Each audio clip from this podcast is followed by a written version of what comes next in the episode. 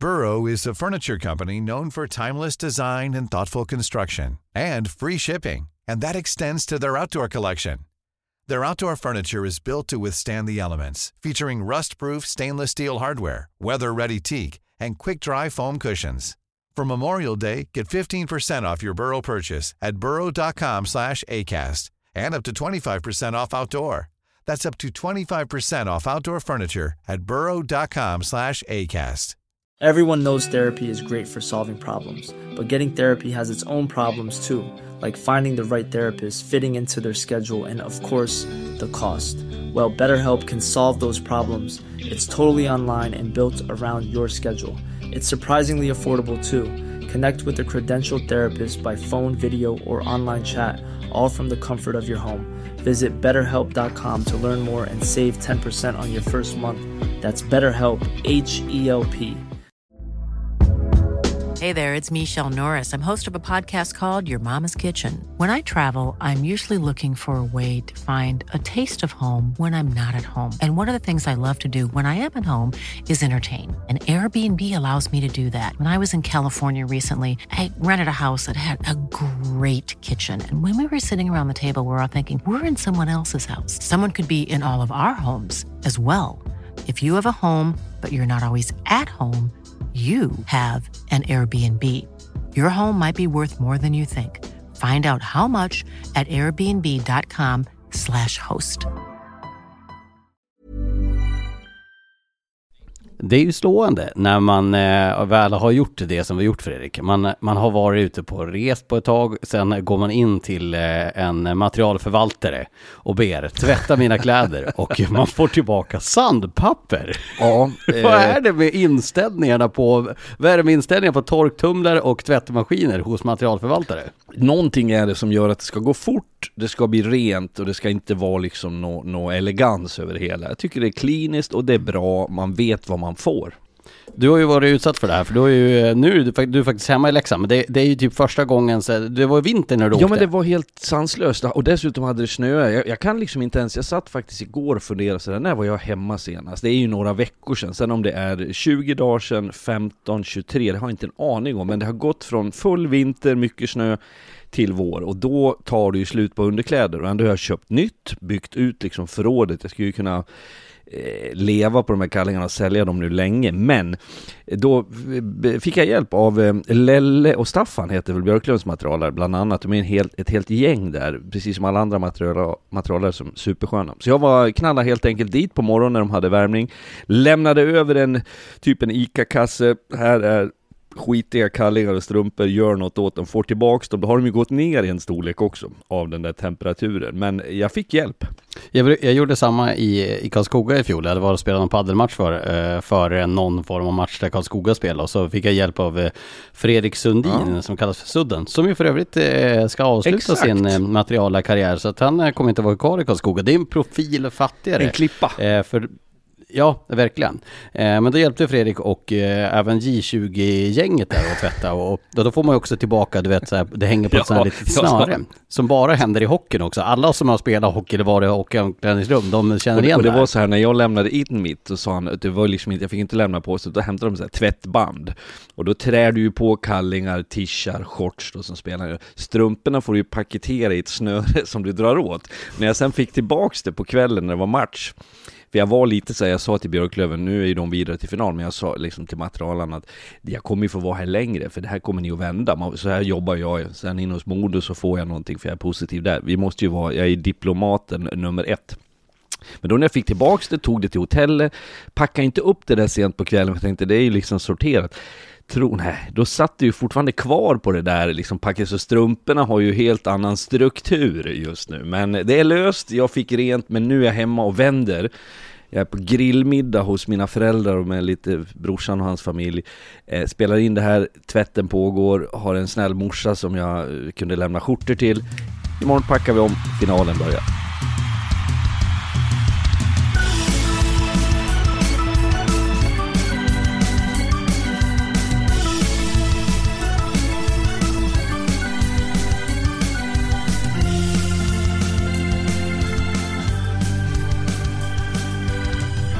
Och med det hälsar vi välkomna till eh, det nya finalavsnittet av Ringside. Med final menar jag bara det att det är Hockeyallsvensk final. Helt enkelt den här dagen när det här släpps, när det är lördag helt enkelt. Och vi eh, befinner oss i Jönköping för den första Hockeyallsvenska finalen mellan HV71 och Björklöven. Och då tänker ni, ja men då går rakt på sak Fredrik och Lars. Äh, äh, vi jobbar inte så. Utan vi har mycket annat att prata om innan vi ska komma fram till det göttigaste. Och vi brukar ju vara så att vi vill ju gärna börja där vi har varit senast och med tanke på att vi var i Örnsköldsvik igår då. Vi spelade in det här fredag med tanke på att eh, eh reseschema och att det var en Game 7 gjorde att vi kunde inte släppa den här podden fredag morgon. Det hade blivit lite för hektiskt och därför hoppas vi att ni har överseende med att det blir en lördagspodd lagom till finalerna. Så Fredrik, eh, vad såg vi egentligen i Örnsköldsvik? Vi såg en väldig antiklimax skulle jag påstå om jag börjar med liksom ett negativt tonläge. I, då förhåller jag mig till det faktum, alla pratar ju upp en sjunde och avgörande match. Det fanns så många faktorer som spelade in till att vi liksom hade förväntningarna på det där. Sen eh, sker det som sker, ett Björklöven som jag tycker fullständigt pulveriserar Modo, om jag ska ta i så jag spricker. Och jag, jag har sett det där ha hänt förr, jag har varit med om det som tränare på båda sidor, när man tycker att man har allting dukat och klart och sen fallerar man om jag börjar med Modo som jag tycker gör sin sämsta match såklart av de här sju man spelar. Jag tycker inte att de fick eh, upp sin egen liksom nivå på en tillräckligt hög nivå för att ens störa Björklöven. Ehm, jag vet inte vad du säger. Jag skulle vilja skjuta in bara och säga, jag tror på, jag satt och funderade på det där på flyget ner till Stockholm idag.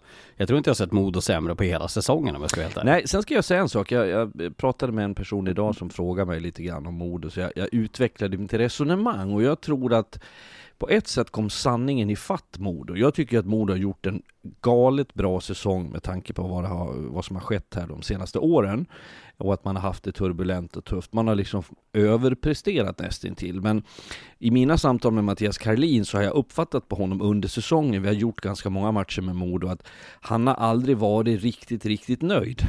Och det där har vi ibland tänkt sig, men nu får han väl ge sig. Liksom. Kom igen nu Karlin, han är ju liksom kravfylld och han, han är, har förväntningar. Men jag tror att han har haft helt rätt när han har tyckt att de har fuskat sig ibland till eh, vinster. Man har legat under, man har gått i fatt och liksom vänt och vunnit matcher. Kanske mer på en offensiv eh, förmåga som har funnits på både back och forwardsidan. Tex Williamson har över tid spelat väldigt, väldigt bra. I en sån här match när det liksom verkligen ställs mot varandra och tröttheten finns där så tycker jag att defensiven klappade ihop rejält.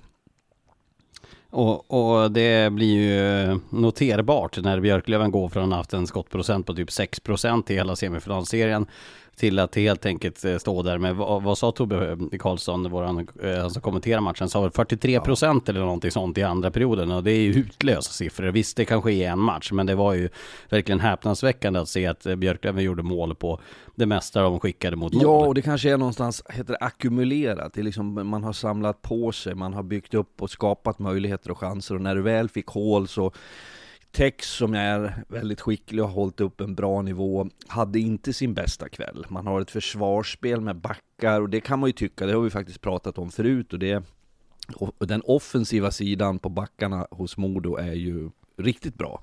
Medan defensiv förmåga, det fysiska spelet var ju mer eller mindre obefintligt igår. Eh, och så har man ju den stora, eh, det stora tappet i Sam Vignot som har varit galet bra och burit upp tycker jag Modos spel. Inte bara offensivt, jag tycker att han har klarat av att balansera. Om det är match fem jag har det i minne där han går upp och smäller på Rahimi, han jobbar klart situationer och det där är någon som går först, andra hängde på. Så att det blev inte Modos kväll och jag förstår den frustration och besvikelse som fanns i Modoläget efter matchen. Vi, vi, ska komma till det positiva också, mm. det Björklöven gör bra också. Men, men det ska ju också sägas att eh, Riley Woods blir ju lite avslöjad i de här matcherna när Sam Vigneault saknas. Att han inte kan driva spelet fullt på samma sätt själv. Det innebär ju att, jag menar alla vet ju att spelar du med en riktigt bra center, spelar du med Marcus Ljung, spelar du med eh, ja, men en Per Lindholm eller en sån skicklig spelare, då, då drivs ju du av den centern. Och är det dessutom en center som både kan driva spel, stå för passningar, stå för för fysik göra sin spelare och göra mål. Eh, Sam Vigneault har ju det mesta förutom en eh, utomordentlig snabbhet egentligen. Det gör ju att då kan du ju se själv mycket bättre ut i den närvaron av den. Men saknas den så tycker jag att Riley Woods blev lite avslöjad, får man faktiskt säga om man ska Ja men och, det. och det är ju egentligen inget märkligt i att, att det finns ju ing, det är väldigt få åtminstone enskilda hockeyspelare som, som liksom kan klara av att briljera. Du, du måste ha komplementen, du måste ha den som täcker upp. Om jag gör det här så gör han det där åt mig. Om jag ska vara framspelare så måste den ligga i rätt positioner. Så att det, det i sig är väl inte ett dugg märkligt. Nu var det ju förbannat olyckligt för, för Modo att det här sker där och då i en semifinalserie när man var beroende av han. Eh, så att jag jag kan bara känna, men med det sagt ska jag också säga att jag tycker båda de här lagen bjöd upp, vi, vi levde ju med varje match, vi levde, jag har blivit, pratar nästan norrländska nu. Ehm, så att vi har ju sett och, och känt på dem och, och liksom verkligen studerat dem och Modo har gjort mycket som är bra och det fanns kanske fler saker som pratade till Modos fördel under den här matchserien. Och det är det som jag tycker är det starka i vad Björklöven gjorde. För, för det har väl varit egentligen frågan som jag har brottats med. Jag- skrev det på Twitter idag. Att jag, jag har gått och funderat så här. Eh, för mig är skitsamma vilket lag som vinner. men- Men jag tycker att det känns så här att man vill ju ha en spännande finalserie. Sen vilket lag som går upp, det spelar ingen roll för mig. Men man vill ha, man vill addera elementet av spänning oavsett vad som händer. Samma sak, eh, det var ju därför kanske jag lite var besviken av eh, går, gårdagens match. Att elementet spänning är ju kanske det, det starkaste sporten har. Spänning, nervositet, känslor, det är ju det som sporten byggs upp på. Det saknades ganska mycket med tanke på att direkt Modo fick lite luft så tryckte Björklöven hål på den ballongen. Verkligen. Och samma sak eh, tänker jag inför finalspelet. Jag tänkte så här, ja, men när jag gick in i finalserien tänkte jag så här, ja, men jag tror ändå att Modo kan stå upp bättre mot HV71 i en final. Men det ska ju säga det också under den här eh, semifinalserien att det har ju minst sagt vacklat för att Björklöven under stunder har ju sett väldigt bra ut defensivt och jag tänker att Modo kanske spelar lite för likt HV71 på det som HV71 är bra på. Nu kanske man svänger lite grann att Björklöven kan slå HV71 på ett annat sätt. Eh, det jag vill komma till med det här är väl egentligen bara det att ja, men, ingen av lagen har kanske visat eh, sina absoluta styrkor under matchserien förutom Björklöven i den sista matchen. Så kan det vara. Och jag tänker väl kanske på ett annat sätt delvis, eller det, stick, det går inte stick i stäv med vad du säger, men, men för HV, det råder inga tvivel om att HV är det bästa laget i serien. De vinner serien, de har förutsättningar och resurser, man har byggt upp en lång bänk, man har många alternativ, man har många bra spelare. Jag kan prata länge, vi kommer komma in på det. Men det ska ju ställas mot någonting annat och då är det relevanta som jag tror du touchar vid. Vilken typ av hockey möter de? Vilka är det som kan klara av att någonstans hantera den här typen av motstånd som HV är? Och jag tror att med nu ska jag inte gå före någonting för jag vet att vi ska prata om dem en stund, men, men eh, jag har sett andra sidor hos Björklöven senaste veckan, ska jag kanske säga, som jag tycker talar för en spännande finalserie. Ja, och med det här så ska vi försöka också summera Modos säsong innan vi kommer in på det andra. Och jag tycker ju som dig att Modo har, jag menar jag följde dem väldigt nära även förra säsongen och, och det gigantiska klivet eh, framåt. Jag, jag brukar se på Varan TV Stories nu, för jag såg på Varan TV när jag var liten. Då gör de en sketch där, nu tar vi ett stort steg framåt i tiden och så ställer sig alla de här skådespelarna och så tar de bara ett bokstavligt talat ett stort kliv framåt och det tycker jag var väldigt roligt. Men det är ju exakt det som eh, Modo har gjort. De har ju tagit ett gigantiskt kliv framåt. Så jag menar från i fjol vara ett lag, alltså kris. Modo var ju under stunder i fjol, långa stunder. Alltså vad Södertälje var den här säsongen. Och haft eh, liksom kris på kris på kris, sparka tränare, sparka tränare. Det har varit krismöte med spelare och så vidare. Vi har berört det här tusentals gånger. Men att gå från det till att få Henrik Gradin tillsammans med Mattias Kalin, Jonas Holmström och, och övriga och få liksom skutan på rätt kurs. Man har gått liksom mot en konstant motvind och försöka korsa sig fram som det heter på segelspråk till att helt plötsligt segla i någon form av medvind. Mm. Om än, det finns, eh, visst det finns ju några gupp i det här, bland annat uttåget igår då. Men Modo är ju på väg åt rätt håll. Tveklöst, absolut. Och jag är den första att skriva under på det du säger. Nu var jag inte med eh, i Hockeyallsvenskan eller nära som ni var förra året, men ni var ganska tydliga till mig tidigt om att det här är ett nytt. Titta, så här såg vi inte förra året. Det finns energi, de ler, de skrattar. Jag var ju och gjorde det här Folk mår ja, bra. jag var och gjorde där. det hockeytugg med, med några spelare och fick liksom intrycket av att det här var en stark grupp och det har ju de bevisat. Så att när krutröken har lagt sig lite så kommer man att tycka att det här var ju riktigt bra. Det här var ett klart fall framåt. Och ska man nu bygga för någonting, för jag tycker kanske inte att man hade ett lag som ska gå upp i SHL, så kan det vara bra insikter de har fått på dels vilka spelare som klarade av det här, för det förändras ju lite i ett slutspel. De som kanske var i toppform eh, under grundserien var inte det i slutspelet och vilka är det man vill hålla i handen när det står så mycket på spel. Så jag tycker att Modo, för att sätta punkt för det, har gjort en väldigt fin säsong. De har bjudit på en underhållande hockey. Vi har sett många spännande prestationer och enskilda spelare och jag tycker vi har ett ledarskap i Gradin och Karlin som bådar gott. Mm. Men med det så får vi sätta någon form av punkt på Modo-delen för eh, att eh, ta det här framåt. Och den stora snackisen i Hockeyallsvenskan, förutom det här semifinalspelet och den blivande finalen, eh, eller kommande finalen, det är ju vad som händer med det laget som åkte ur. För när vi ska kolla in lite vad som händer i nyhetsväg i Hockeyallsvenskan så går det ju inte att sticka under stolen med att vi sa för någon vecka sedan att Djurgården kommer inte att komma ner i Hockeyallsvenskan med samma förutsättningar som HV71 och sen bang lät det. Stod jag på mikrofonen här som en, en liten gest. Men det här handlar ju helt enkelt om att Djurgården har ju dragit en ren uppercut på de som har tvivlat. De har alltså skickat in John Norman, Daniel Brodin, Marcus Kryger. Nu snackas det om att Adam Reideborn är på väg in. De har förlängt med Ludvig Rensfeldt och Tim Söderlund. De har tagit in Ragnarsson som assisterande coach till Fagervall. Och eh, om än det här är på pappret och det här är fortfarande i någon form av idé liksom inför framtiden så ser det ju onekligen väldigt, väldigt spännande ut. Visst är det så. Jag eh, var väl också med på samma resonemang att tidigare och som säkert delades av många andra om svårigheten för HV. Men låt oss ha två tankar i huvudet för att jag står fast vid en del i det. Men om jag ska prata om det som du nämnde så är det ju frapperande den eh, kraft som man visar nu med de här namnen som trillar in. Sen är det ju också så att vi har en helt annan hockeymarknad idag eh, än för ett år sedan när HV71 började göra sina eh, liksom satsningar och byggen och när man skulle rekrytera. Och med det menar jag att det sker ju saker, i, otäckheter i världen som, som liksom gör att fler spelare kan hamna i svensk hockey. Och eh, då kanske man är snabbare som spelare att knyta upp sig vid ett alternativ som finns där. Och där har ju KG Stoppel eh, gjort ett fa fantastiskt jobb så här långt måste jag säga, med att verkligen få de här med Djurgårdshjärta att känna att vi kan vara med på den här resan. Sen kostar det säkert en hel del pengar, men det verkar man ju ha täckning för. Så det sportsliga grunden och det man har slängt fram så här långt och det vi hör snack om är ju otvivelaktigt riktigt, riktigt bra. Eh, det som man ska säga lite grann som varningens finger som ju HV71 gjorde ju verkligen allting rätt när de gick ner, eh, eller åkte ner. Det var ju det att man eh, tog liksom ur alla påsar liksom. Man adderade hockeyallsvensk toppklass, man tog ju rutinerade spelare som kan driva gruppen i Taylor Mattsson, Simon Önerud och, och så vidare och rutinerad tränare du och så. Men HV, det Djurgården har fått i det här är att de har ju för, för allt så har de ju skaffat sig en lagkapten i Marcus Kryger, en, en sån som man vet. Jag menar, är du, är du lagkapten i ett OS-lag, för ja, visst var väl han det?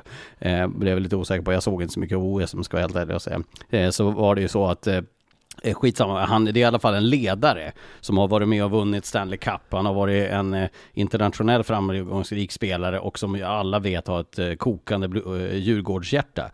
Så på det sättet så har man ju adderat ledare till det här laget och dessutom en John Norman som visst man vet kanske inte exakt vad han kan stå för i, i hockeyallsvenskan men han har ju tidigare stått för en, en kraft och en snabbhet, en spelintelligens och dessutom då med fysik och det här arga i Daniel Brodin. Mm. Och kan man då addera på det här då riktigt spets i form av målskyttar och så vidare då blir det här Ja, för så här är det ju. Ska du fortsätta rekrytera framgångsrikt så är det ju oerhört viktigt att du kan påvisa att de här har vi på papper. De som, Det är väl kanske det som är det Ja. starkaste som har hänt. Att de har liksom sagt det så här, det här tror jag ni vill vara med visst, på. och då, då, då får du fler som gärna skriver på det där racet vill, vill jag vara med på. Sen ska jag säga en sak för att vara den liksom torra och tråkiga här nu då, men att det finns alltid en risk, det har vi ju sett historiskt. Jag eh, tycker att det finns spelare som vid namn kan vara bra. Eh, jag tycker om jag ska säga HV71, det, det de har lyckats med med sina tyngre namn, det är många som är sammankopplade med HV som Önerud till exempel som var där så sent som förra året. Fredrik Forsberg var där. Tyler Wessel var i Hockeyallsvenskan. Tyler Mattsson kan svensk hockey. Ehm, de här som har varit ute, jag pratar inte specifikt om Djurgårdsspelarna nu, men när sådana vänder hem så kan det bli en smärre chock när du kommer till svensk hockey. För det är något helt annat att möta SOG borta i schweiziska ligan än att åka ner till Västervik eller att möta Tingsryd en, en, en, onsdag på hemmaplan. Och det handlar om vilken karaktär du har och det är, blir en prövning även för Djurgårdsspelarna. De är liksom inte undantagna det. Och det kommer bli någonting som vi kan se framöver. Eh, det ska bli väldigt spännande att följa. Sen hörde jag, nu har man ju tagit in Ragnarsson, Ragnarsson som assisterande till Joakim Fagervall som kommer att vara tränare-duon. Eh, hör också att Mattias Zackrisson som var i Almtuna här under säsongen att det, det snackas om att även han ska kunna adderas till eh, den där tränartrojkan. Och och han har ju också rutin från ligan, och men Jocke Fagervall har ju sannerligen det. Så det, det kan ju också vara spännande att, eh, att addera det elementet, tänker jag. Om det skulle vara så att Mattias Zachrisson skulle välja att hoppa på det skeppet också, om de vill ha tre det ser jag som en, Det ser jag som en jättebra lösning i sånt fall, för att han har också den här passionen underifrån. Ragnarsson har ju en ytterst fin karriär som spelare. Han har varit med länge som tränare, han har varit på landslagsnivå nu. Jocke Fagervall med sin rutin. Får du in en sån där så yngre kille som kan liksom jobba i vardagen lite extra, skruva upp det hela lite, trycka på. Så där känns det bra. KG Stoppel har ju gjort en är det århundradets comeback i, i, Ja, eh, hatten av för det KG har gjort. Om än det inte lyckades nu och det har säkert kostat skjortan, eller det har Absolut. kostat skjortan det Visst. som har gjort i SHL. Men, men han har ändå gjort någon form av eh, rejäl räddningsaktion och försöka, som eh, Mattias Kalin gjort uppe i i Modo tillsammans med Henrik Gradin att försöka styra skutan åt rätt håll igen. Sen var det den andra tanken jag hade i huvudet var ju det som jag kanske än inte vet om man lyckas med, som HV har gjort, det är att, att för det är så mycket svårare, och det här är ju inte Djurgårdens eget fel. Djurgården är ju en väldigt klassisk anrik förening med många sympatisörer. Men jag får en känsla att många sympatiserar med dem på avstånd man löser medlemskap, man har en pikétröja, man går på fotbollsmatcher, man sitter på O'Learys i Luleå eller Lund eller Göteborg och håller, håller på sitt Djurgården. Man går inte på samma sätt till arenan. I Jönköping har de gjort det. När Leksand var på knä så kom supportrarna till arenan. Och det här är ju nästa steg så att inte det är 3 och 2. Det ska inte vara 2700. AIK har ju gått igenom, eller går igenom den resan nu för att det finns så mycket alternativ i Stockholm. Du kan gå på bio, du kan gå på en fotbollsmatch, du kan gå på fin restaurang. Det finns alltså, nu, jag ser på ditt ansikte ungefär som att du, du är från Leksand. det är två småstadsmänniskor ja, och så säger det första alltid du kan gå på bio. ja, det här visar de i Leksand, nu är det Ghostbusters. Ta då fan inte med dig eget godis, sådär då. Visar man Ghostbusters 2 nu går upp i Leksand till hösten, den ser jag fram emot. Ja, det ska bli spännande. Nej, men jag håller med. Alltså, jag förstår ditt resonemang. Att, att, att det, det, krävs ju också att folk är med på resan, både liksom sponsormässigt. Eh, såg att Fredrik Bremberg har för övrigt gått tillbaka till Djurgården och ska ja, jobba där. Det är där. också en fin rekrytering. Han är ju liksom den mest graciösa djurgårdaren i modern tid, så att man hoppas ju att han säger så här eh, när han ska sälja in något. Bara så ni vet så kan jag assistera er i den här affären. Där dog göteborgarna i oss! Nej men du var inne på det, vi ska inte bli för långrandiga med Djurgården men eh, vi har inte sett någonting utföras på isen än men, men eh, på något sätt har man, har man startat silly seasonen med eh, en positiv anda som eh, Djurgården säkerligen behöver för att starta om det Och att det, sänder, det är ett statement till, eh, till svensk hockey och till ligan, vi har inte lagt oss platt, vi har inte dött, vi är här, vi vill tillbaka. Och det genererar ju också en action tror jag hos många andra klubbar att oj, eh, vi kan inte sitta med, med liksom mössan i hand utan vi måste eh, framåt. Vi också behöver rekrytera och förhoppningsvis så finns det grund och resurser för det så att man kan tävla. Så att vi får en hockeyallsvenska som är bra. Ja, och, och det är ju känslan att vi kommer att få. För det, det är ju inte bara Djurgården som spänner musklerna. Nu, nu hör man att det händer spännande saker. Att eh, Södertälje ska addera till sin spelarbudget och de satsar minsann på topp 6. Och det kommer ju sannerligen Modo göra och HV71 eller, eller Björklöven som blir kvar i Hockeyallsvenskan. Västerås vet vi satsar, Karlskoga vet vi satsar, AIK vet vi satsar och så vidare. Jag slänger in en fråga som jag fick från Viktor. Tavitsainen heter han väl, Södertälje-kille som skickade till mig. Annars Mm. är det du som får alla frågor för det är du som sköter om det här. Men han ställde en fråga eh, kring Södertälje och vad man skulle behöva göra där för att göra samma resa som Modo har gjort. Jag, jag tycker att det är lite orättvist eh, om vi ska sätta det kravet på Eh, Södertälje eller någon annan klubb att man direkt ska göra en så fin resa. Men det är ju ett relevant sätt att tänka på. Om, man kan koka ner det lite grann så tror jag, för att ge ett kort svar på det, att det handlar inte om miljoners miljoner. Det handlar inte om enskilda, eh, eh, ska vi kalla det stjärnor, utan det handlar om att du får rätt i alla Eh, kategorier. Då pratar jag sportchef, tränare, alltså ledarskapet, att du får en, en stabil och solid och homogen grupp och att du får spelare som är på väg framåt och som är beredda att tillsammans leverera. Det är ju det som är, om vi paketerar Modos framgång enkelt, det skulle Södertälje kunna göra. Jag tycker att man har spännande saker på gång nu. Det var det du skulle säga Det kanske? tycker jag också. Men- det man måste ju ändå, det Emil Georgsson måste göra också, förändra någon form av kultur där med tanke på att, jag menar, nu, hör, man hör mycket och man, man är inte innanför väggarna så jag ska inte säga någonting men det låter ju som att man har ju uppenbarligen det- som det låter så sitter man ju på ett väldigt, väldigt dyrt kontrakt med Dragan Umicevic till exempel som kostar skjortan och som kanske inte föll så där superväl ut spelmässigt. Jag har att Nikola Pasic blev väldigt dyr när han gick från Linköping och frågan är liksom det är ju den där kulturen också, att man ska ha eh, många som gör skäl för lönen, men de som är i toppen verkligen måste prestera om de ska ha de här pengarna. Nu snackas det om att typ Marcus Kryger ska ha 175 000 i månaden, kom det uppgifter om från kvällstidningen. Vi, vi kommer inte att diskutera den siffran, för den är inte officiell och vi vet inte det med 100% säkerhet. Men det vi vet, det är det att ska du ha ett stort lönekuvert så måste du eh, leverera i Hockeyallsvenskan, för då har du inte, inte råd med att ha så dyra spelare som inte presterar. Det är ju farligt om det springer iväg och blir för stora klyftor också i ett lag. Därför måste du ju ha någon slags nivå på det hela. Everyone knows therapy is great for solving problems, but getting therapy has its own problems too, like finding the right therapist, fitting into their schedule, and of course, the cost.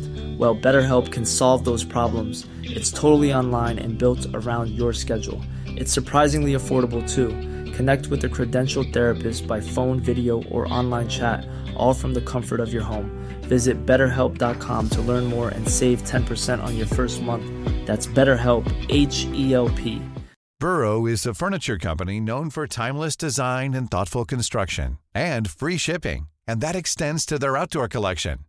Their outdoor furniture is built to withstand the elements, featuring rust-proof stainless steel hardware, weather-ready teak, and quick-dry foam cushions. For Memorial Day, get 15% off your Burrow purchase at burrow.com slash ACAST and up to 25% off outdoor. That's up to 25% off outdoor furniture at burrow.com slash ACAST. Since 2013, Bombas has donated over 100 million socks, underwear, and t-shirts to those facing homelessness. If we counted those on air, this ad would last over 1,157 days. But if we counted the time it takes to make a donation possible, it would take just a few clicks. Because every time you make a purchase, Bombas donates an item to someone who needs it. Go to bombas.com slash ACAST and use code ACAST for 20% off your first purchase. That's bombas.com slash ACAST, code ACAST.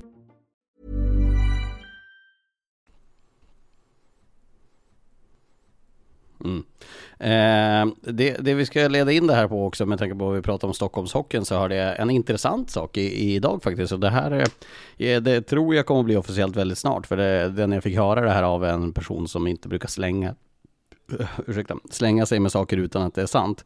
Eh, jag hör att Brett Sepinski i Västervik eh, ska vara på G och i princip klar för AIK. Och de är redan, eh, som det sägs då enligt eh, Johan Mr Maddox Svensson var med och gästade oss och han presenterade att William Eriksson skulle vara klar och även att Sian Nybäck är klar för AIK och dessutom då man adderar Brett Sepinski så känns det ju som att man börjar hitta intressanta pusselbitar i AIK också. Det där är intressant för att AIK det har vi berört under tidigare poddar och även i sändningarna på Simor att AIK bygger lite nytt, bygger om, man har en annan filosofi nu med ett annat ledarskap och kan man sopa ut lite trötthet, lite de som liksom har bränt sig genom karriären, plocka in den här typen av namn och då tänker jag snarare på Eriksson och på, på Nybäck som är om vi pratar svenska spelare, kan du addera dessutom importer som har bevisligen gjort det bra? Jag tycker att Supinski och McKenzie som två av Västerviks spelare var riktigt bra. Det här är ju också baksidan för Västervik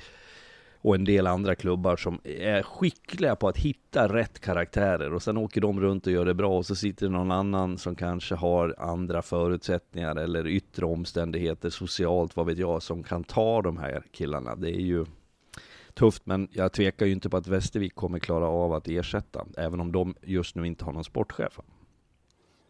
Nej, och det blir väldigt spännande att se vem som ska fylla den luckan eh, och, eh, och kliva in efter Emil Georgsson. Det är inte heller klart, så vi får följa det vad som händer, händer där. Men Brett Zibinski, det känner väl både jag och du att det är ett kittlande namn att eh, addera för AIK om det skulle vara så att det är 100% sant. Visst är det så.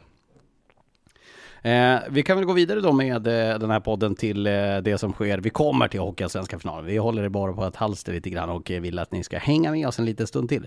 Det är ju så också att eh, kvalserien till Hockeyallsvenskan eh, pågår i, i, högsta, eh, i högsta fart och med högsta spänning för att det skedde ju resultat igår som ju blev intressant. Nybro mötte Hudiksvall. Hudiksvall hade inför gårdagen vunnit alla matcher och eh, stod på 16 poäng. Eh, Nybro var trea och hade 11 poäng och Östersund där bakom hade 12. Nu vann både Nybro då efter straffläggning mot Hudiksvall Eh, vilket också gjorde att det blev spänning där då för att eh, Nybro fortfarande är kvar i racet. Sen så har ju även eh, eh Östersund vann i, eh, efter sadden eh, overtime mot Väsby, vilket gör att de också är med i racet och de möter ju också eh, Hudiksvall på hemmaplan i nästa match. Så att det här kan ju bli ett ruggigt intressant race de sista tre Absolut. matcherna. Absolut, och Hudiksvall är ju de som eh, upp, mest uppenbart går för det och som har byggt för det, satsat och som står redo, som jag förstår det, eh, med en allsvensk, vid, en all, vid ett allsvenskt avancemang. Östersund har väl på något sätt ändå skrällt och överraskat lite grann och har ju en del Eh, Eh, spelare när jag tittar igenom, för vi pratade om det i en sändning nyligen när jag försökte liksom kolla, läsa på lite mer, att, att det finns ju något spännande. Och då kommer jag att tänka på, jag ska berätta en kort historia. Eh, I Östersund finns det en spelare som heter Elias Bjur som har varit runt i lite svenska klubbar och jag fick honom till Nyköping. Vi pratar kanske säsongen 9, 10 eller något sånt där kom han från Modos juniorer om jag minns rätt. Och då hade han bilat ner och det här är en riktig filur, alltså en härlig människa som, som eh, ser du honom spela hockey så tänker du vad hela friden är det där, långt hår och lite skäggig och har massa saker för sig på isen. Nu blir jag så exalterad så jag tappar rösten här. Men här kör han ner från Övik, han hade en Saab 900 tror jag det var, det packade den fullt med allt han ägde och hade. Så när vi tog emot han vid ishallen, jag och Fredan Johansson, min tränarkollega, så var vi ute och pratade med honom. Så han liksom öppnade bakluckan på den där Saaben och då var det så mycket grejer så han hade inte fått med sig allt och då hade han valt att prioritera bort vissa av hockeyprylarna. För han skulle ha med någon sån här gitarr för något tv-spel och det var instrument och en, en, en udda fågel men som fortfarande gnuggar på och som gör sina poäng och som betyder mycket för Östersund. Så att jag tycker att, att de är med och tävlar i det här racet är rätt fräckt när Hudiksvall och Nybro på förhand var de stora drakarna. Eh, högintressant också. Det lät ju som han hade en sån här Guitar Så- Hero så eh, så och, det. och då undrar jag, hur länge sedan är det här? För det känns ju att Guitar Hero var ju helt dött Ja, men- ut. Det var ju någonting man Ja, gjorde så på är det. förfest när jag var 20 och det är ju ett tag sedan. 2009, så det är, du var... Ja men det, då var det Guitar Hero som det, det är skulle jag plus minus faktiskt något säga. år där, jag har lite dålig koll på min egen karriär. Men så, så kan det vara. Shit vad roligt det var. Spelar du där? Alltså, jag, har ju, aldrig jag, var ju, spelat tv-spel. jag var ju gammal trummis, så jag vart ju glad när det kom det här Det rockband. låter ju som du är 72 Ja men då nu. fick man ju Ja men jag spelade trum, jag hade trumset så här, med en, så här, en fräck dam framme på baskaggen som låg på en röd sportbil så här, som mina föräldrar köpte till mig. Jag, tycker, jag tyckte det var nästan opassande så här, i efterhand att de köpte just det trumsetet. Men det var, det var ett bra trumset så jag gillade hemma. Det är ju för övrigt det absolut sämsta tipset man kan göra till föräldrar att köpa ett Ja. trumset till sitt barn. Eh, Snacka om att leva om. Nu finns det sådana här digitala trummor som man Så kan du var Sidospår var det du. där. Jag, jag fick sparken från skolkören den. Jag, eh, den jävla läraren, den kärringasena ibland. Jag funderar på att backa över henne med bil. Nu har jag ingen bil, men jag cyklar på henne. Eh, eh, hon sa rätt mitt under en repetition att Fredrik, jag tror det är bättre att gå tillbaka till matten. Och det, man var ju där, det var några hockeykillar för att man skulle slippa ha matten. Men jag, jag fick lämna och det förlåter henne aldrig! Nej, det, det förstår jag. Du, du skulle ju vara en sån här kille som kunde stå med ja, triangeln jag är doa. i, i vet du, så kören. doa-kör, det har jag alltid känt att skulle jag göra karriär så skulle jag vara, du vet de som, som tar liksom en annan ton. Nu kan jag inte sjunga förvisso, men, men jag tycker de ser ut att ha ett skönt jobb. Det är lite som en assisterande tränare om du tänker. Artisten är headcoachen, får slita arslet av sig. Så står den assisterande där och doar lite och det är jag. Det, kommer bilder, Ja, det kommer bilder i mitt, huvud här. Eh, jag ska låta det vara.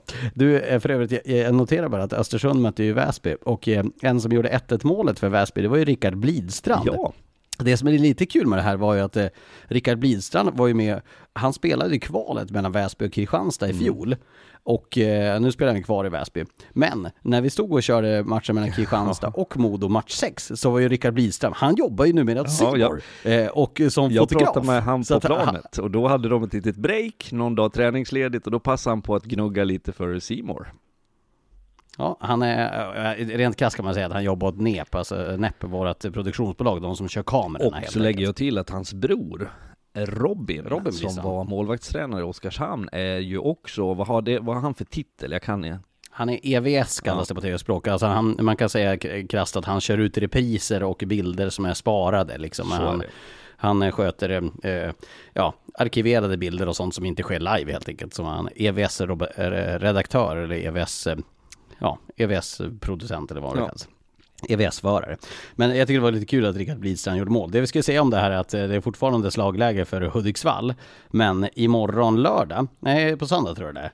Eh, så, så möts ju Östersund och Hudiksvall i Östersund klockan 16.00. Så om ni inte vill se, eh, eller efter det har sett Rögle-Färjestad så kan ju det vara intressant att följa hur det går mellan Östersund och Hudiksvall. Vill också dra en liten lans för att HC Dalen är ju faktiskt också med i det här racet. De är ju faktiskt på samma poäng som Nybro. 13 poäng och har ju faktiskt en chans, om än det är tufft läge, så har ju faktiskt även Dalen en chans att gå upp i Ja, hoppet lever där. Pelle Gustafsson, gamla eh, från Oskarshamn från början, HV och eh, lite NHL-spel, en, en skicklig back, numera coach. Så är det. Eh, så vi får se vad som händer där och vi kommer följa upp det i nästa vecka när vi kommer att podda igen. Eh, men, ska vi ta tag i elefanten i rummet då? Det som sker lördag kväll 18.00 på Simor Hockey så är det dags för det vi har väntat på hela säsongen, nämligen den hockeyallsvenska finalen. Vi tar det från eh, Huskvarna Husqvarna Garden och eh, in till introlåten HV71 spelar bäst ändå mot Björklöven alltså, där eh, det efter en veckas väntetid för HV71 är nu klart en motståndare och det blir Björklöven. Jag har besticken redo att hugga in på ett resonemang kring det där. Oerhört eh, taggad och redo för vad som är det vi har väntat på, det som har vuxit fram. HV har varit klara en tid sedan skärtorsdagen och i, nu har vi en motståndare klar och det här är ju ytterst intressant och det ska bli skoj att följa på nära håll.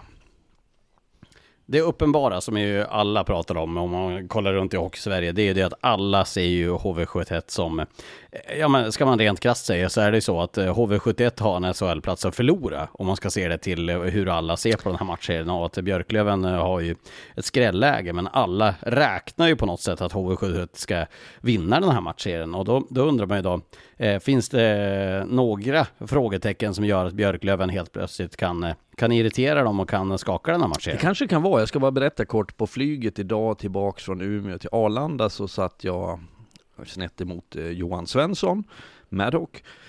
Och sen när vi hade, precis innan vi lyfte så fick jag ett sms från Sanny Lindström som bad mig tippa för Expressen. Eh, hon frågade massa.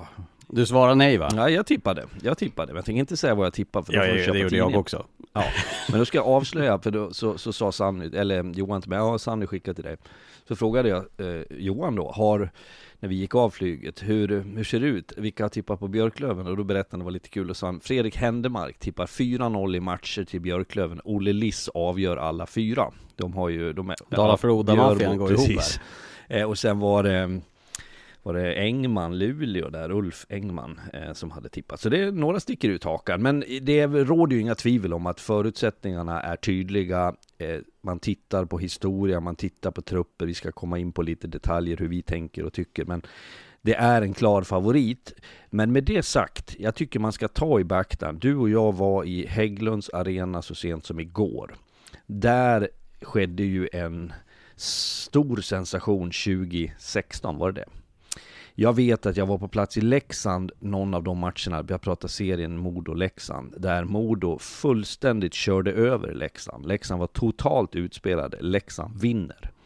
Så det där har hänt och vi blir så naiva ibland vi som jobbar med hockey för vi drar slutsatser för tidigt. Och jag menar att Björklöven kommer ge sig fasiken på att ställa till det för HV och de kommer ha en tydlig plan i det. Så att jag tror inte vi ska, och det är för allas bästa, dra eh, slutsatserna än. Verkligen. Och, och som du säger, den matchen, där var det ju verkligen ett lag som, eh, vad spelar man, 20, 21 perioder eller 22 eller vad det blev. Och, och, helt plötsligt så var det ju så att eh, Leksand vann, trots att Modo var ju bättre i typ 19, 20 ja, av ja. dem och, då, och, och, körde över Leksand fullständigt och ändå vann Leksand. Så är det och det, det, det, det har liksom hänt och det, det, måste vi ta i beaktan. Men, men eh, sen måste vi förhålla oss, eller jag gör ju naturligtvis till, till det rimliga. Skulle man gå runt och tycka att världen i allt väsentligt var fullständigt ologisk och orimlig så tror jag man skulle ha en jobbig tillvaro. Eh, om vi, vi har ju sagt att vi ska försöka gå igenom det här lagdel för lagdel då, för att försöka komma till någon form av slutsats var, var, var Lövens fördelar ligger, vart HVs fördelar ligger och om vi, vi tar det lagdel för lagdel, om vi börjar med målvaktssidan så står ju då Filip Larsson och Jonas Gunnarsson på ena sidan och Claes Endre och Jonna Voutilainen står på andra sidan. Där ju Claes Endre har gjort en eh, omvändning om, om hans säsonger som helt enkelt är i dur då helt plötsligt igen. Och helt plötsligt blir ju första målvakten i det här Björklöven och, och spelat några riktigt, riktigt bra matcher i den här semifinalserien inte minst. Och vad, vad tänker vi om målvaktsduellen? Jag tycker ju att Jonas Gunnarsson är lite underskattad. Jag har bidragit till det, vi har inte pratat jättemycket om honom eh, under säsongen. Jag tänker Simor nu. Men det är också för att han har kommit lite grann i skuggan av ett i övrigt stabilt och solitt HV71. Han har kanske inte varit fullt så prövad alla gånger, men jag tycker han har blivit bättre och bättre. Och det, det vi ska komma ihåg var att HV länge och väl var nästan 50-50 som jag uppfattade Man spelade båda keeprarna som gjorde det bra. Sen har Gunnarsson tagit allt mer, han har stått nu, han har varit tillräckligt bra, han har erfarenhet och meriter. Så jag skulle säga att Gunnarsson är klart godkänd, men inte fullt prövad. Om jag hoppar över på den andra sidan direkt så säger ju att Endre hade en galet fin start i Björklöven, sen kom Waterlinen och tog över den platsen. Sen kommer han in på en tillfällighet match två i semifinalserien och är rasande bra. Det är en målvakt som har ett självförtroende som är enormt just nu. Därför så tycker jag att den fighten är ganska jämn. Och jag håller väl med där. Eh, det jag tänker också är väl att eh, det är ju här som ju eh, Claes Endre eller om det blir John Waterline som står några matcher också att eh, de måste göra sitt, eh, sina livsmatcher i princip. För att det, det är ju det som är avgörande. Om de inte spelar ja men eh, fyra och en halv stjärna av fem stjärnor om man ska se på ett, ett trip advisor betyg när man kollar på hotell när man ska utomlands, vilket jag sitter och scoutar nu efter säsongen, så är det ju så att de måste ju vara där uppe. För annars har det Björklöven inte en chans. De har inte råd att göra liksom en, en platt matcher, utan de måste verkligen göra sina bästa matcher för säsongen. Jag håller med. Jag tycker att Jonas Gunnarsson är underskattad. Jag tycker också att eh, det är ett ganska självklart första val i HV71 och men Filip Larsson har gjort väldigt bra matcher under säsongen också. Men jag tycker ändå här, även här har HV71 en liten fördel. Men jag tycker verkligen att Claes Endre har gjort det eh, otroligt bra i Björklöven den här Jag slänger in ett frågetecken och det är, jag upplevde nu när vi har sett Modo Löven-serien så nära på, så tycker inte jag alltid att Modo i skarpt läge utmanade Endre. Och det har, kan ha att göra med två saker. Försvarsspelet hos Björklöven tvingar Modo att liksom hamna på utsida. Det blir lite simplare avslut. Man har inte haft tydliga två mot ettor, tre mot tvåor. Jag tycker inte man har haft frilägen. Den här situationen som verkligen ställer det på sin spets. Kan HV komma åt det? Ja, får se då hur Claes Endre hanterar det. För det är två olika typer av målvaktsspel i, i, i mina ögon. Så där finns ett frågetecken. Men i övrigt är vi hyfsat överens va? Och det är väl exakt det som HV71 måste försöka klara av. Att ta sig in liksom i ansiktet på Endre och komma på den insidan. Vilket Björklöven har gjort det bra i försvarsspelet sen det att Viktor Stråle kom in tillsammans med, med Lahti där för att uh, sköta försvarsarbete. För jag tänker att Öman mest sköter uh, special teams och, och forwards. Mm. Men det är också såklart en del av försvarsspelet. Men där känns ju också som en nyckel att, uh, att Björklövens försvarsspel måste också klaffa till 100 procent. Ja, så är det och det, det hänger ju ihop. Det, det det finns väl ytterst få exempel på ett lag som har varit totalt utspelade över sju matcher eh, med en målvakt enbart. Det handlar ju om att andra också sticker upp. Jag, jag drar inte den jämförelsen, vi pratade Modo och Leksand, utan helheten eh, ska vara tillräckligt bra. Men två bra målvakter och det finns en anledning till att de är i final för att de har bidragit starkt. Verkligen. Och kollar man till en backsida så finns det ju ett eh, orosmoln för Björklöven att Jesper Lindgren är avstängd ytterligare en match. Jag måste säga att jag tycker att eh, Jesper Lindgren var gäst i våran studio igår. Och jag tycker att han eh, att eh, det blev eh, en värdig intervju för den avstängningen. Att han, eh, han sa det att ja men jag gör, jag försöker liksom gå in och trycka bort armarna i den här situationen och jag råkar träffa huvudet. Det är tre matchers avstängning. Jag kan inte neka för det. var ju i princip det han sa. Utan det är en olycklig händelse. Att jag menar såklart inte för att skada honom. och jag tycker att att det var ett sunt resonemang från Jesper Lindgren i den situationen. Det är det och det är inte alldeles enkelt. Det, det, tror jag folk glömmer ibland som sitter och dömer det här. Någon är med på tv i en intervju. Spelarna är ganska unga killar. Det är inte alldeles enkelt. De där starka lamporna är på. Man vet att det ska ut till folk att säga rätt saker, att förklara sig, vara ärlig och uppriktig. Det tyckte jag att han var. Sen sitter det säkert folk och tycker att vi ska trycka dit dem. Men det, det där är ju någonting som du och jag har sagt förut och jag är väldigt tydlig att det är inte mitt uppdrag. Jag är inte där för att förnedra någon eller få någon att må dåligt eller vara Janne Josefsson på, på Uppdrag granskning. Utan vi kan föra ett resonemang. Vi ska naturligtvis ställa kritiska frågor och tankar som vi har om så krävs. Men jag tyckte också att han gav ett gott intryck. Men kopplar jag ihop det med backsidan så säger jag så här när det gäller Björklövens backsida. Den har övertygat på mig genom att spela enkelt, tydligt och konsekvent. Det har varit nyckeln. Man är konsekvent, man gör samma saker gång på gång på gång, vilket skapar en tydlighet i spelet. Med Daniel Rahimi i spetsen som har varit så här långt eh, slutspelets stora aktör. Verkligen, och, och, nu får han ju dessutom mäta sig med sådana som också har den storleken i Oliver Boom, Niklas Torp som kan spela det fysiska och eh, trubbiga spelet inne framför mål. Om än jag skulle säga att jag tycker att Daniel Rahimi är lite bättre på det än vad Niklas Torp och Oliver Boom är. Men, men det är ju bara historik och det kan ju bli något helt annat i den här finalserien förvisso. Sen har ju också HV71 alltså, de backarna i offensiva roller som Emil André och Chad Billings som ju är på kanske en nivå upp än vad Björklöven har. Där ligger den stora skillnaden tycker jag. Och dessutom så har man fler alternativ, fler att välja på. Man har på något sätt dubbla, eh, dubbel skicklighet på varje typ av spelare. Om inte Torp är på humör och kör över någon, ja men då gör Bom det. Om inte Billings sätter fart på spelet med en lång första pass, ja men då gör André det. Eh, så att de har ett bredare stall och det gäller ju på, på både back och forwardsidan. Men Björklövens eh, försvarsspel i sin helhet med backarna främst har gjort det väldigt bra och det, det blir intressant att se hur HV hanterar det. Ja, och eh, det man inte ska sticka under stolen med och eh, konstatera är ju det att eh, även HV-spelarna är ju mänskliga. Jag menar, de vet ju om, säga vad man vill, men om Björklöven nyper första matchen så, så kommer ju också då elementet av press på dem. Att, att det adderas ju till deras axlar att säga shit nu, vi har tagit oss hela den här resan. Men för HV71 så är det ju så att även om allting har fallit på rätt plats, om de inte går upp så har de misslyckats med deras uppdrag för den här säsongen.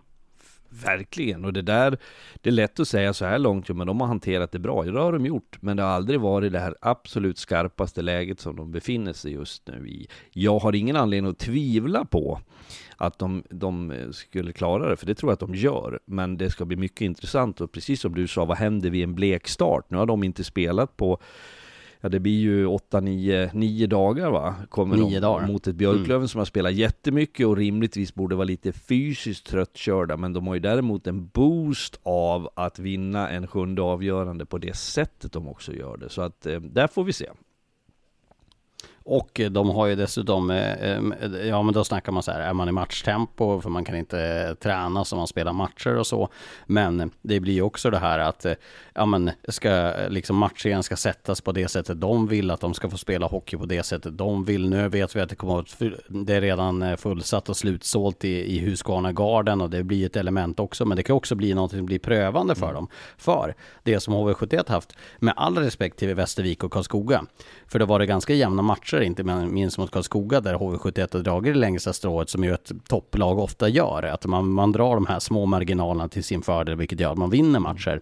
Men de har ju inte blivit, ska man se krast, de har ju inte blivit så hårt prövade i det här Nej. slutspelet Nej. egentligen. Nej. Och det är ju deras egna val. Jag känner igen det där, en dålig jämförelse kanske, men mitt första år när jag var i Norge när vi vann guld så hade vi en väldigt enkel resa genom kvartsfinalen och vann liksom med storsiffror och så vart det svårare i, i semin plötsligt och så fick vi, nu, nu hanterade vi det bra men jag, jag minns känslan för det, det uppstår en stress hos laget, tränare, spelare när du inte har full kontroll på samma sätt som du hade tidigare. Men det går att hantera och det är därför jag tror på HV mer än jag gör på Björklöven. Men jag tror som du är inne på, den knorren på det här, om det skulle ske en justering i det mentala spelet så skulle Björklöven kunna vara eh, sensationella i sina resultat då. Ja, eh, och det, vi vill summera det här med att vi ser eh, fram emot den här finalen med väldigt, väldigt stor spänning. Det ska bli otroligt kul att, eh, att få följa det här och jag tror att väldigt många är nervösa. Nu är HV-fansen suttit och laddat för den här matchen i en vecka och ringa in i kalendern och liksom kan ha fullt fokusera ut på det här. Det kommer bli en häftig kväll i Jönköping. Det kommer det bli och ska vi bara runda av det med forwardsidan för att vara tydlig där så tycker jag, om jag bara knuffar in lite så får du sätta några motargument här, men jag tycker att det jag sett som har varit spännande med Björklöven, för vi har ju följt dem nu, HV har vi pratat förut och vet kvaliteten, men jag, jag ser några som växer. Det som skedde i match 7 med Eh, Ryan Gropp har blivit en favorit för mig. Han har en fantastisk skridskoåkning, en balans, en, en tempoökning och skillnader i, i liksom strukturen på sitt sätt att spela på. Jakob Olofsson tycker jag har gått och blivit den där som jag trodde jag skulle få se tidigare.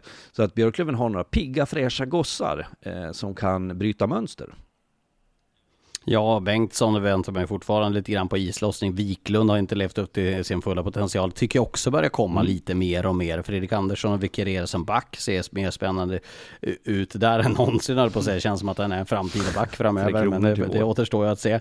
Ja, exakt. Eh, men, eh, nej, men det, det, känns mycket som är, är, spännande i Björklöven och det drar vi väl visst. Eh, såklart så har ju vi någon form av eftersmak av matchen i, i torsdags och det där det väldigt mycket såg väldigt bra såklart. ut. Men det är klart att eh, får man eh, folk att spela så nära sina 100% och HV inte kan få Davidsson-bröderna till att maximera att Miles Powell inte är på topp och att eh, Tyler Kelleher, hans frånvändningar inte funkar varje gång utan han nyps dit i sargen och att Hunter Shinkarik inte syns och Fredrik Forsbergs skott ska gå över.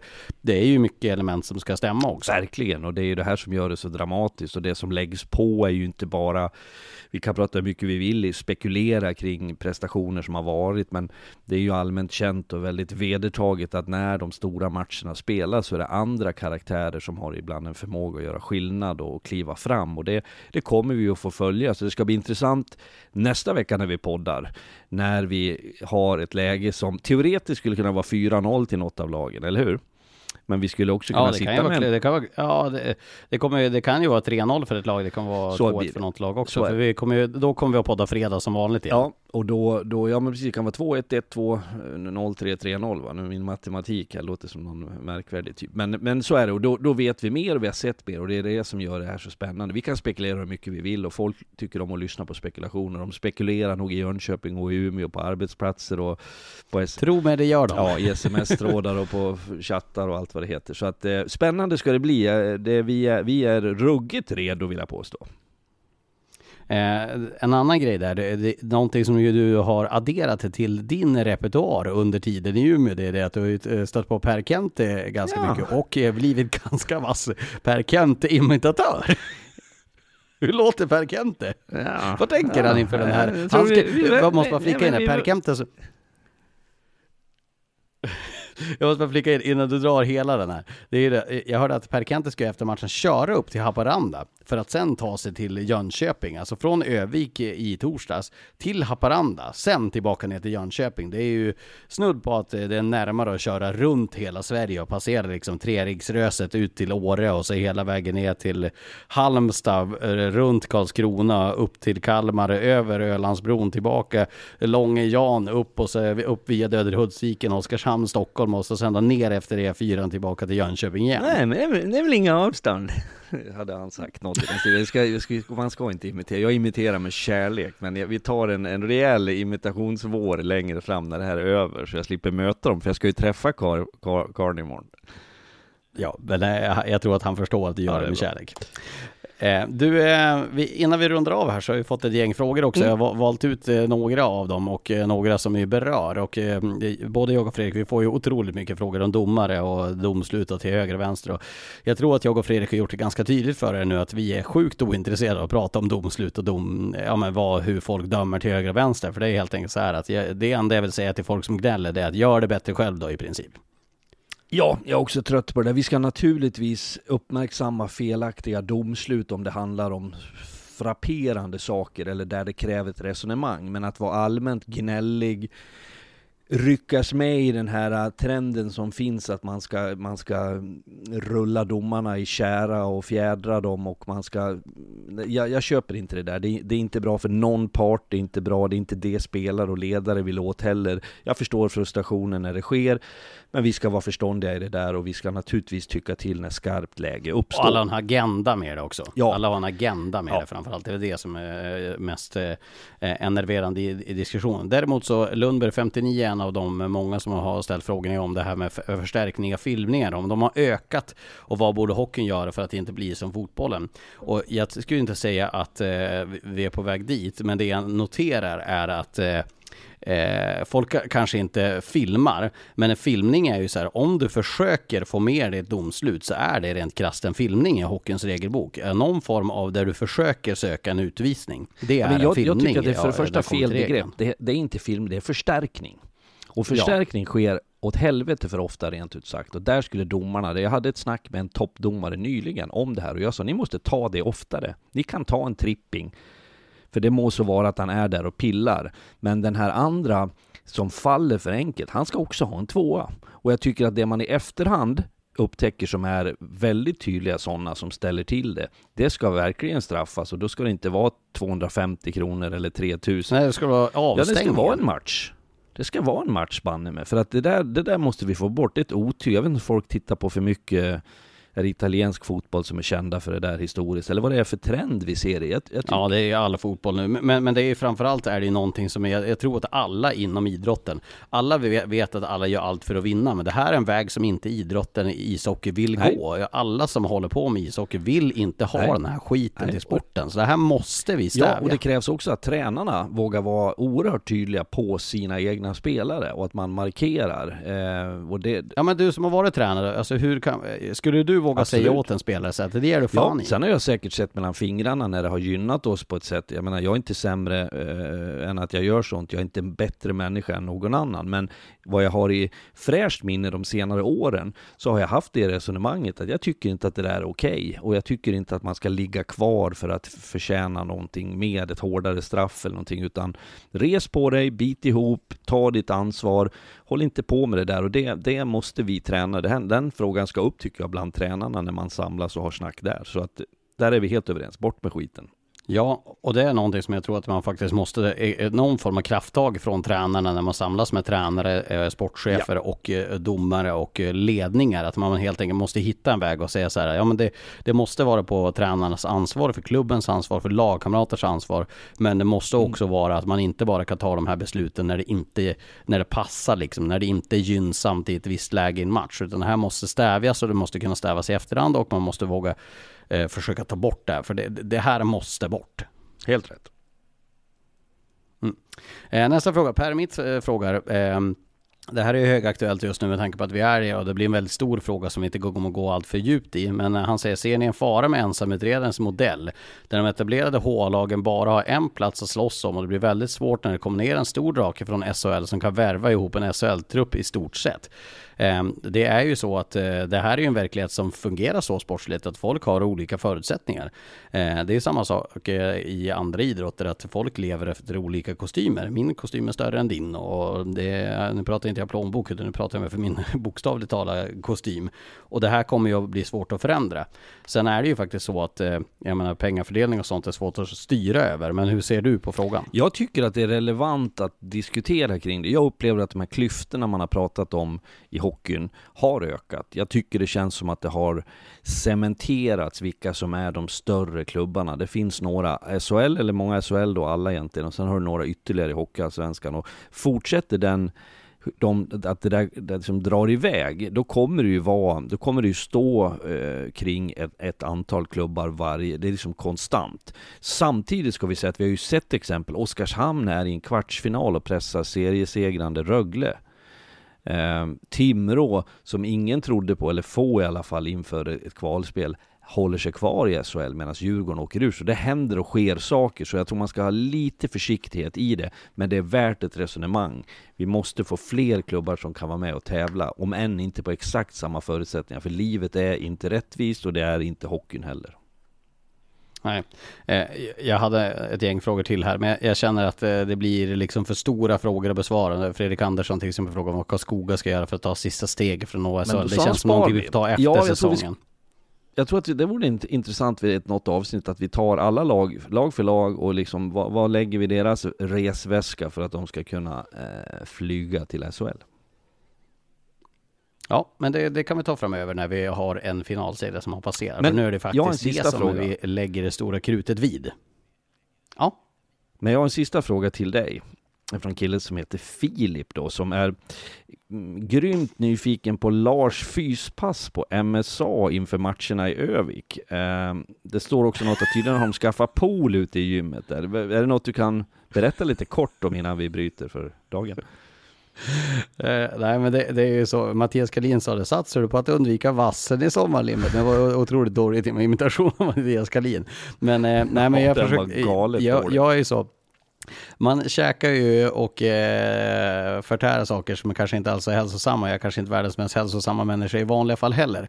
Men när det är viktiga matcher så tycker jag det är väldigt skönt att man har tränat och rensat skallen inför. Och då var det så att eh, MSA-gymmet ligger just brev, bredvid eh, arenan, Hägglunds arena i Örnsköldsvik. Och då var jag där för att träna och eh, då var det också så att eh, Modos fystränare Jonas var där och även Tobias Wiklund som ju är, eh, ja han är ju skadad spelare men nu som också hjälpt till eh, på, på bänken i Modo, man kan ju kalla honom en assisterande tränare och då ska ju de köra, de, det här är alltså spelare och ett eh, idrottare som springer maraton på under tre timmar.